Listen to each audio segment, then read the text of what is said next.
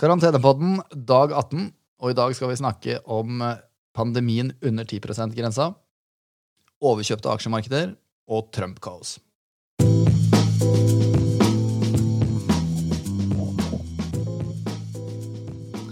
Er du med meg, Christian? Det er jeg. Hva er siste nytt fra pandemien? Jo, nå er det slik med denne pandemien at uh, fra dag til dag så begynner det å bli uh, ikke, ikke, kjedelig, men uh, det er klart at utviklingen går sakte, men sikkert i riktig retning. Så det er ikke den helt store dramatikken fra dag til dag. Men det som er en kjensgjerning, er at vi ser enkelte dager med spikes i, i dødsfallene, selv om kurven i utgangspunktet går i riktig retning. Og det kan rett og slett skyldes underrapportering eller statistiske eh, variasjoner fra dag til dag. Men det som er den overgående trenden, det er at eh, det går mot en, vekstrate i dødsfall eh, under 10% både i Europa og i USA. Og Det betyr at på alle kontinenter i verden så er vekstraten i dødsfall nå på eller under 10 eh, og man ser jo, som vi har snakket om flere ganger, at stadig flere land også snakker om en gradvis åpning av sine respektive økonomier. Eh, når det er sagt, så betyr jo ikke det at si, denne pandemien er over. Det er den jo på ingen måte. Vi vet jo i forhold til spanskesyken at den kom i, i flere bølger. Og det kan heller ikke utelukkes denne gangen. Og det er noe kanskje finansmarkedene som vi skal snakke mer om etterpå, ikke har tatt helt inn over seg eh, ennå. Eh, når det gjelder dødsfall i USA, så var det også der en spike i går. 2400 nye dødsfall fra eh, rundt 1500 de foregående to dagene. Eh, men antallet nye smittede eh, ligger på en vekstrate på rundt 4,6 av USA, som har vært episenter en god stund, så ser det ut til at man begynner å få en viss eh, form for, for kontroll. Også i Kina er det flere nye tilfeller daglig, men antallet er veldig, veldig lavt. I går 46 nye tilfeller, og det er jo relativt lite. Også i Afrika så som jo har vært et eh, kontinent mange har vært bekymra for pga. Eh, varierende grad av eh, kvalitet på helsesystemer osv. Så, videre. så er det også der tegn til at situasjonen er relativt sett under kontroll. Mye er jo avhengig av datagrunnlaget som vi får fra disse landene. Men med all sannsynlighet så ville vi hørt fra Verdens helseorganisasjon dersom de eh, mente at situasjonen var eh, bekymringsfull. Og Det er heller ingen tegn til eskalerende utbrudd verken i Latin-Amerika eller i Midtøsten, hvor vekstraten også der har eh, kommet ned. Så situasjonen ser ut til å gå i riktig retning, men som nevnt så er eh, det fortsatt risiko for at ting kan vedvare og at ting kan blusse opp igjen. Ja, og Verdens helseorganisasjon skal vi definitivt tilbake igjen til i den sendingen her. Og vi kan ikke runde av eh, virusdelen av denne poden før vi snakker litt om Sverige. Som faktisk nå har 170 nye dødsfall på ett døgn. Som da er eh, 24 flere dødsfall på ett døgn enn det Norge har så langt i hele, i hele, pandemiperioden. Ikke at det er noe konkurranse på den fronten der, men eh, det er i hvert fall eh, ganske tydelig at det er en feilslått strategi for Sverige. Er det noe mer å melde før vi beveger oss over til markedet? Kristian? Nei, ikke på pandemifronten.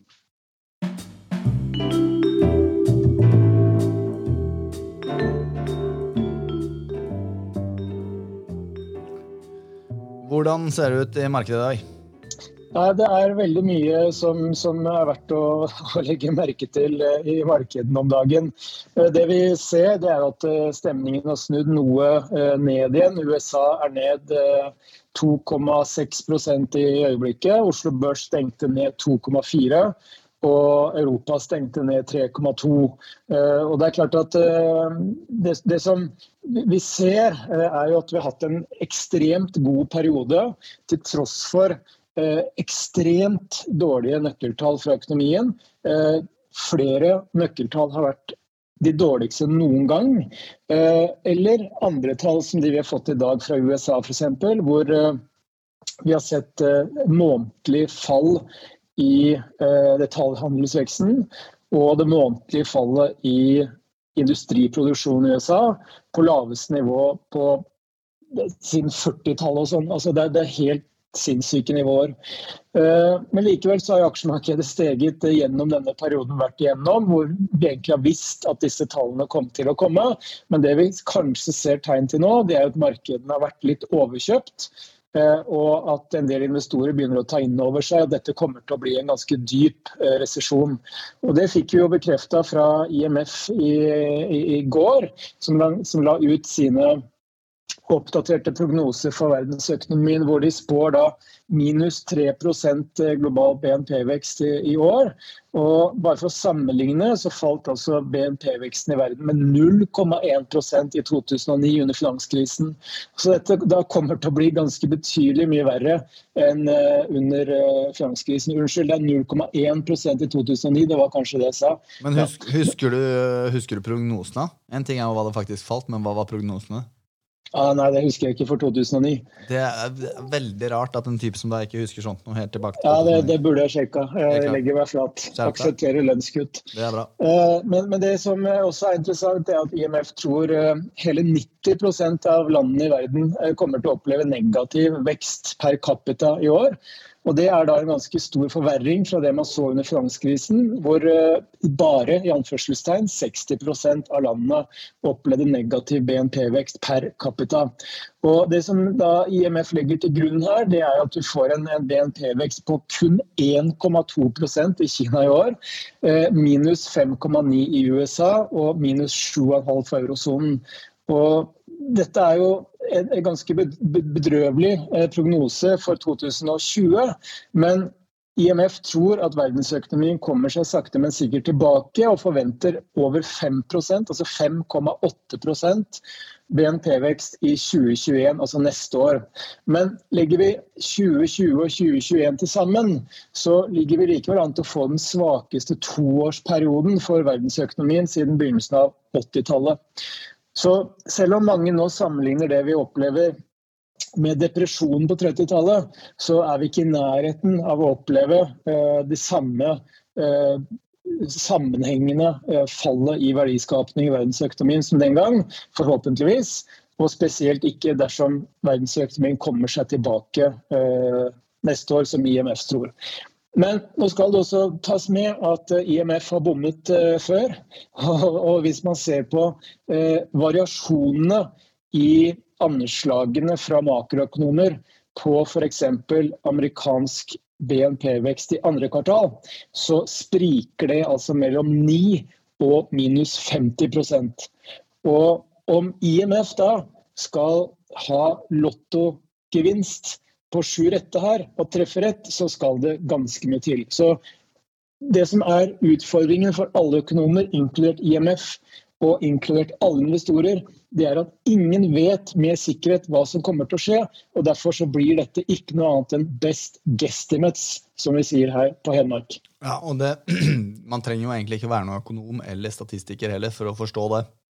Når når disse tiltakene som vi har hatt eh, bl.a. her i landet, eh, lempes litt på nå på mandag, bl.a. med åpning av barnehager osv. Vi vet jo virkelig ikke hvilken effekt det kan ha. Og det er klart, hvis du får et kraftig oppbluss i antall smittede da, så vil du nødvendigvis kunne se en eh, tilstramming av tiltakene igjen. Noe som selvfølgelig Definitivt. vil ha store konsekvenser Definitivt. for prognosene. Ja, unnskyld. Men vi må også snakke litt om uh, oljeprisen. fordi uh, Vi har jo nylig fått en, eh, en, en, en mye omtalt uh, oljeproduksjonskuttavtale mellom OPEC pluss, som heter, og, og Russland, og, og, flere andre land som i hvert fall støtter opp. Og Likevel så har oljeprisen falt nesten 7 i dag, og er nede på 27-tallet igjen.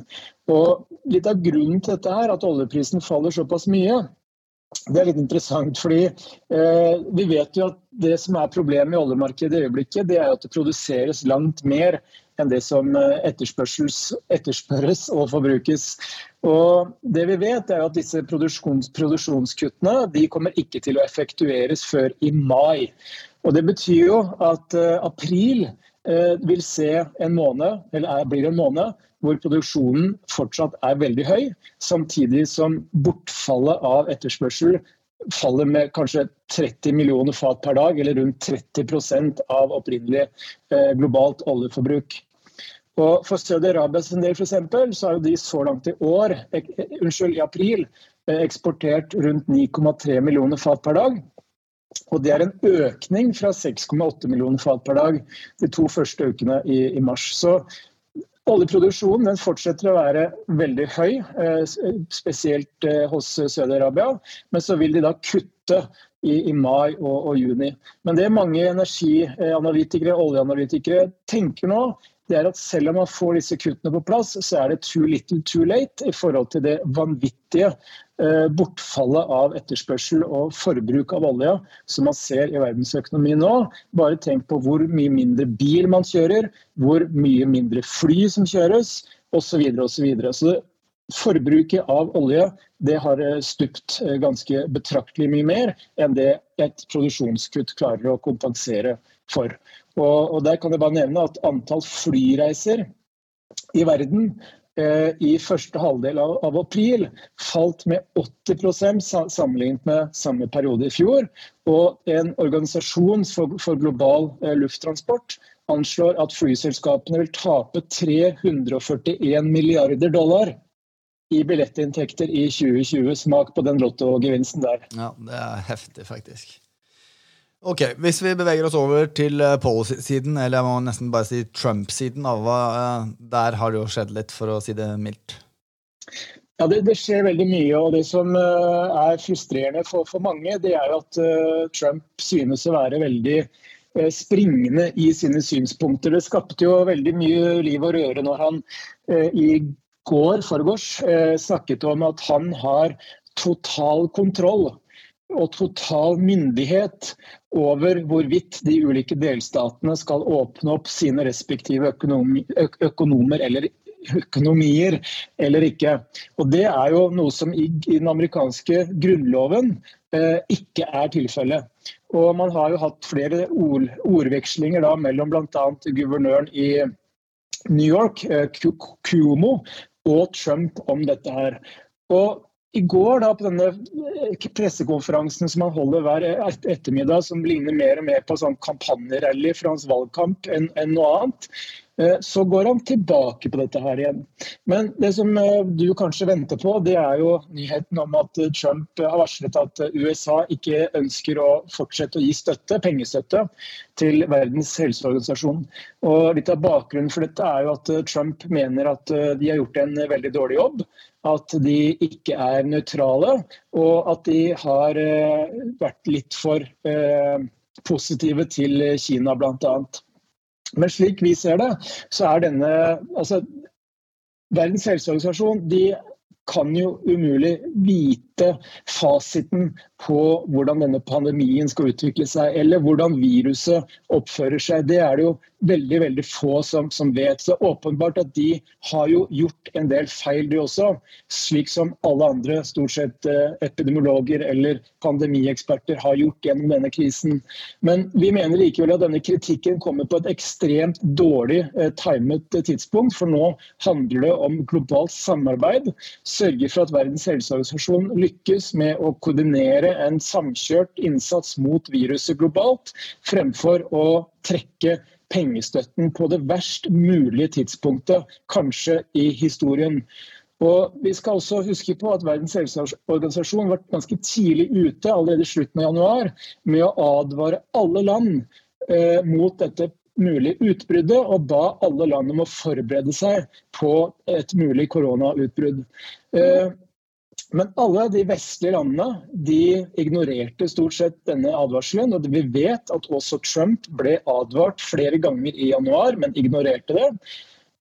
Eksempelvis et land som ikke ignorerte det, det var Sør-Korea. Hvor mange aktive tilfeller var det de hadde? 2000? Ja, og de har hatt over, to, nei, over 10 000 aktive tilfeller, så er, de har god koll på det.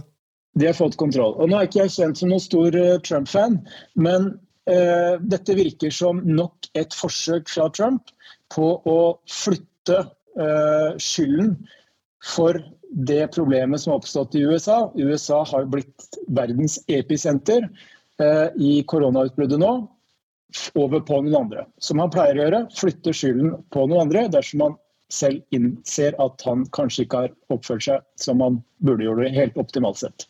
Det bare slutter liksom aldri å overraske meg hvor arrogant han er av og til. Det å, det å trekke tilbake den støtten og prøve å flytte skyld sånn som han gjør, når det så lett kan motbevises, altså at han har fått disse advarslene og ignorert de. Jeg kan på en måte ikke forstå ja, hvordan han bare kan fortsette å, å, å spy ut sånne beskyldninger eller, eller, gjøre alle de tingene han gjør. Det er helt Nei, sinnssykt. Men det er litt interessant, det er fordi en som uh, var med å skrive en biografi om uh, Trump for noen år siden, han uh, har jo uttalt at han er en compulsive liar, altså han er en lystløgner. Og han har innstilt slik at dersom han har gjort seg opp en mening om noe, uavhengig om han tror det er fakta eller vet det er fakta, så har han bare bestemt seg for at dette er sant, eller det burde i hvert fall være sant. Og Når en del av de påstandene hans også blir gjengitt gjennom hans kanal Fox News, med diverse kompetente eller inkompetente mennesker som uttaler seg. Uh, og Der vil jeg bare nevne et morsomt eksempel som jeg la ut på min Twitter-konto Tidligere i dag så er det da eh, denne Kelly Ann Conway, eh, som vel jobber som eh, kommunikasjonssjef eller et eller annet sånt for, for Trump-administrasjonen, som uttaler til eh, Fox News at uh, dette handler om covid-19, folkens, ikke covid-1. Så man skulle jo da tro at de som har ansvaret for dette i Verdens helseorganisasjon, uh, tall og nøkkeltall, skulle ha kontroll på dette her, uttaler hun.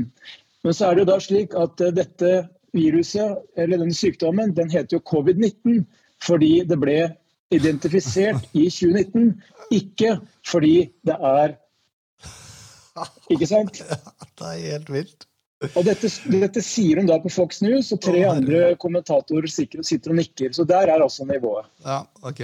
Nei, det er helt sinnssykt. Vi, eh, nå kommer selvhjelpboka til Trump snart på postordre. My, my, my Truth the facts. Yes. Ok. Nei, men uh, vi prates igjen på uh, Hvilken dag er det i dag? vi, vi det er onsdag. vi prates igjen på fredag, Kristian. Ha det. Det gjør vi. Ha det.